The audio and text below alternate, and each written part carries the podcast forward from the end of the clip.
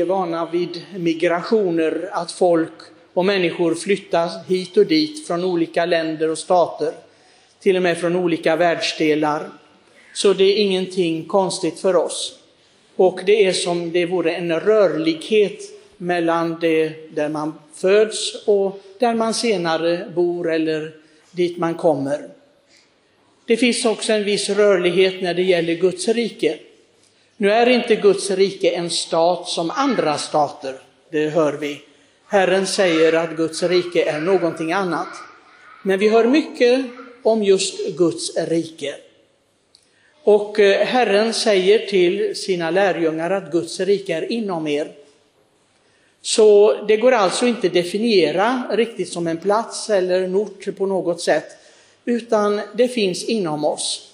Det är Guds rike som har planterats i det Gud har skapat.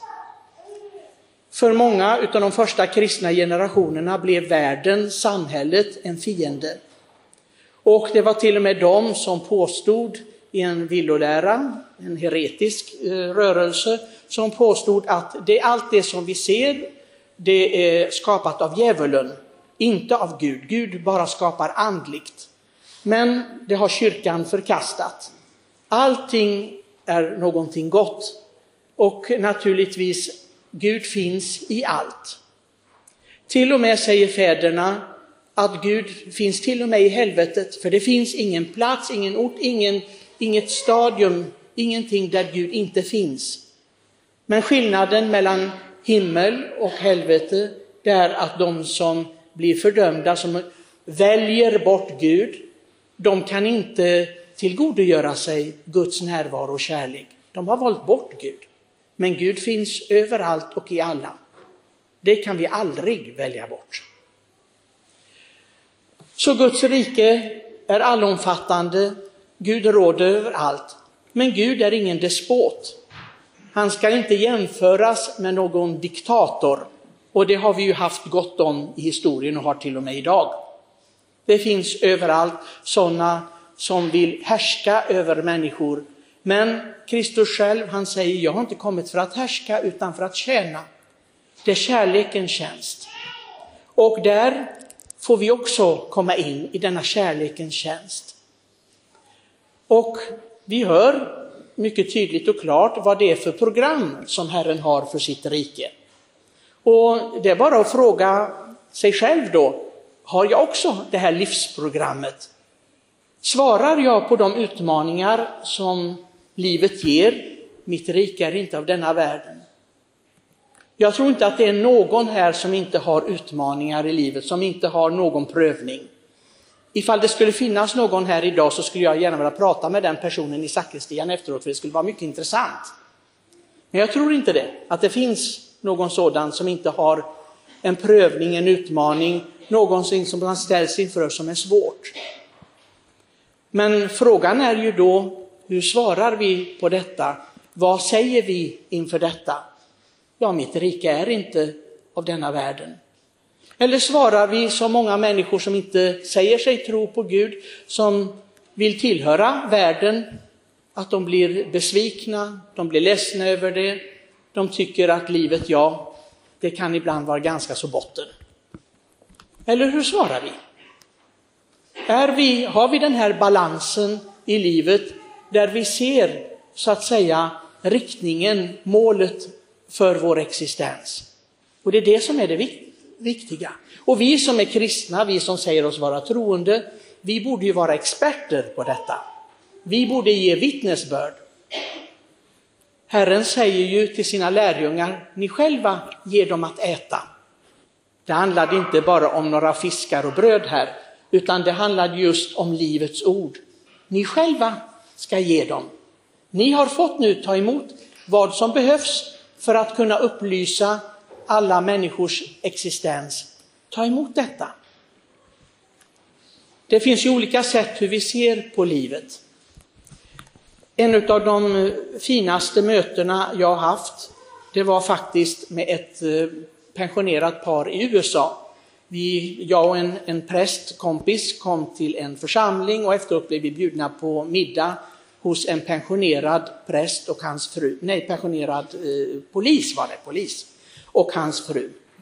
Och den här eh, polisen han sa det, skulle ni kunna vänta lite till vår son kommer och hälsa på oss ikväll? Han ska komma förbi, för jag skulle så gärna vilja att någon av er präster hörde hans bikt. Ja, sa jag, det kan vi göra. Och han sa det att det enda jag ber min son om, det är att han ska ta hand om sin själ. Jag bryr mig inte om vad han gör i livet, det spelar ingen roll vilka val han gör, men att han inte gör något så att han förlorar sin frälsning, sin själ, sin plats i himmelen. Det är det enda jag tycker att han ska ta hand om, det enda viktiga för mig. Och jag tänkte på ett samtal som jag hade med, en, med några föräldrar här i vår församling. Och eh, naturligtvis alla föräldrar är lite oroliga för sina barn. Och, och de föräldrarna sa, ja, vi bekymrar oss för att, att de inte vill utbilda sig riktigt och att, eh, att eh, liksom de inte tänker på sin framtid och så, att de, de ska ha bra jobb tycker vi. Och, och, det. och då berättade jag att om, om jag hade haft barn, jag har inga barn så ni behöver inte vara rädda, jag har inga gömda barn någonstans. Ibland har ju präster det, men det har inte jag. Men hade jag haft en son eller dotter eller flera barn, då hade jag sagt precis som den här pensionerade polisen. Jag spelar ingen roll vad du har för yrke, vad du utbildar dig till, vad det, bara du inte förlorar din plats i himlen. Och jag tänkte när jag, när, när jag tänkte tillbaka på den här pensionerade polisen i USA, i Ohio bodde de, så tänkte jag, var det den enda riktiga katoliken egentligen som jag har träffat? För jag har inte hört så många som har sagt så. Jag har hört visserligen de som är bekymrade för deras barn inte går i kyrkan och så, men det är inte riktigt samma sak. Det är inte riktigt samma sak. Jag skulle vilja höra det av föräldrar säga, jag är orolig för mitt barns själ. För att mitt barn verkligen ska komma till himlen. Verkligen bli räddad och komma in i Guds rike. Det är det, det, är det som är definitionen alltså. För det finns en hel del som går i kyrkan, det, det vet jag också. Och det säger många utav de lärda, att inte alla kommer in till himlen bara för att de har gått i kyrkan. De kan gå ett helt liv i kyrkan men inte passa in ändå. Därför att de har inte anpassat sitt liv efter detta, inte sin längtan. Och Herren säger det, det räcker inte att man säger Herre, Herre. Och jag ska säga, vilka är ni? Jag känner er inte. Så vi förstår att det är inte samma sak. Utan här måste det anpassas efter det. Jag går nu under november månad till olika kyrkogårdar och det går jag och ber för de här som är begravda där. Och jag tänker det att många av de här människorna som ligger begravda på de här kyrkogårdarna, de tyckte nog att de gjorde ganska så bra ifrån sig i livet. Att de kanske till och med var viktiga för många. Men nu ligger de där under mullen och ingen kommer ihåg vad de har gjort. Men en sak är säkert, de har mött vår Herre som domare. Det har de gjort allihopa. Ingen har sluppit undan. Och det räckte inte att de sa att jag har gjort en stor insats här och där. Vad spelar det för roll för Herren? Vad spelar det för roll inför evigheten? Och Herren kommer att fråga, har du gjort bra ifrån dig för Guds rike? Har du verkligen visat med ditt kristna liv, med ditt troende liv, att mitt rike är inte av denna världen. Har du sagt precis som jag? För det är det som gäller för att stämma in, att passa in i Guds rike. Mitt rike är inte av denna världen. Det betyder inte att vi nonchalerar och tycker att ingenting här är viktigt. För det är vissa som gör det.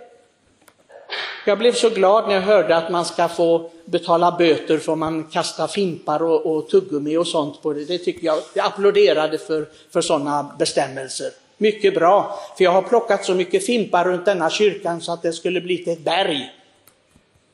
Och jag har bett Herren, låt dem som slänger fimpar runt kyrkan verkligen få skärseld för detta.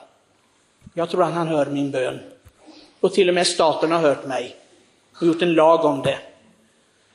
Det betyder inte att vi ignorerar och, och kan be, liksom göra vad vi vill och tänka, ja men jag lever för himlen så det spelar väl ingen roll om jag kastar lite papper eller om, om jag inte bryr mig om det ena eller det andra. Nej du, Det är, sånt, det är just sånt som Herren ska se på. Han ska se med vilken kärlek har du levt ditt liv? Vilken omsorg har du levt ditt liv? Det är det som Herren ska se på. Och det har visat sig kanske att du nonchalerade saker, du stängde inte en dörr, du, du kastade papper hit och dit, du diskade inte efter dig, du, du lämnade allt som det var. Du bryr dig inte. Du bryr dig inte att komma i tid till ditt arbete.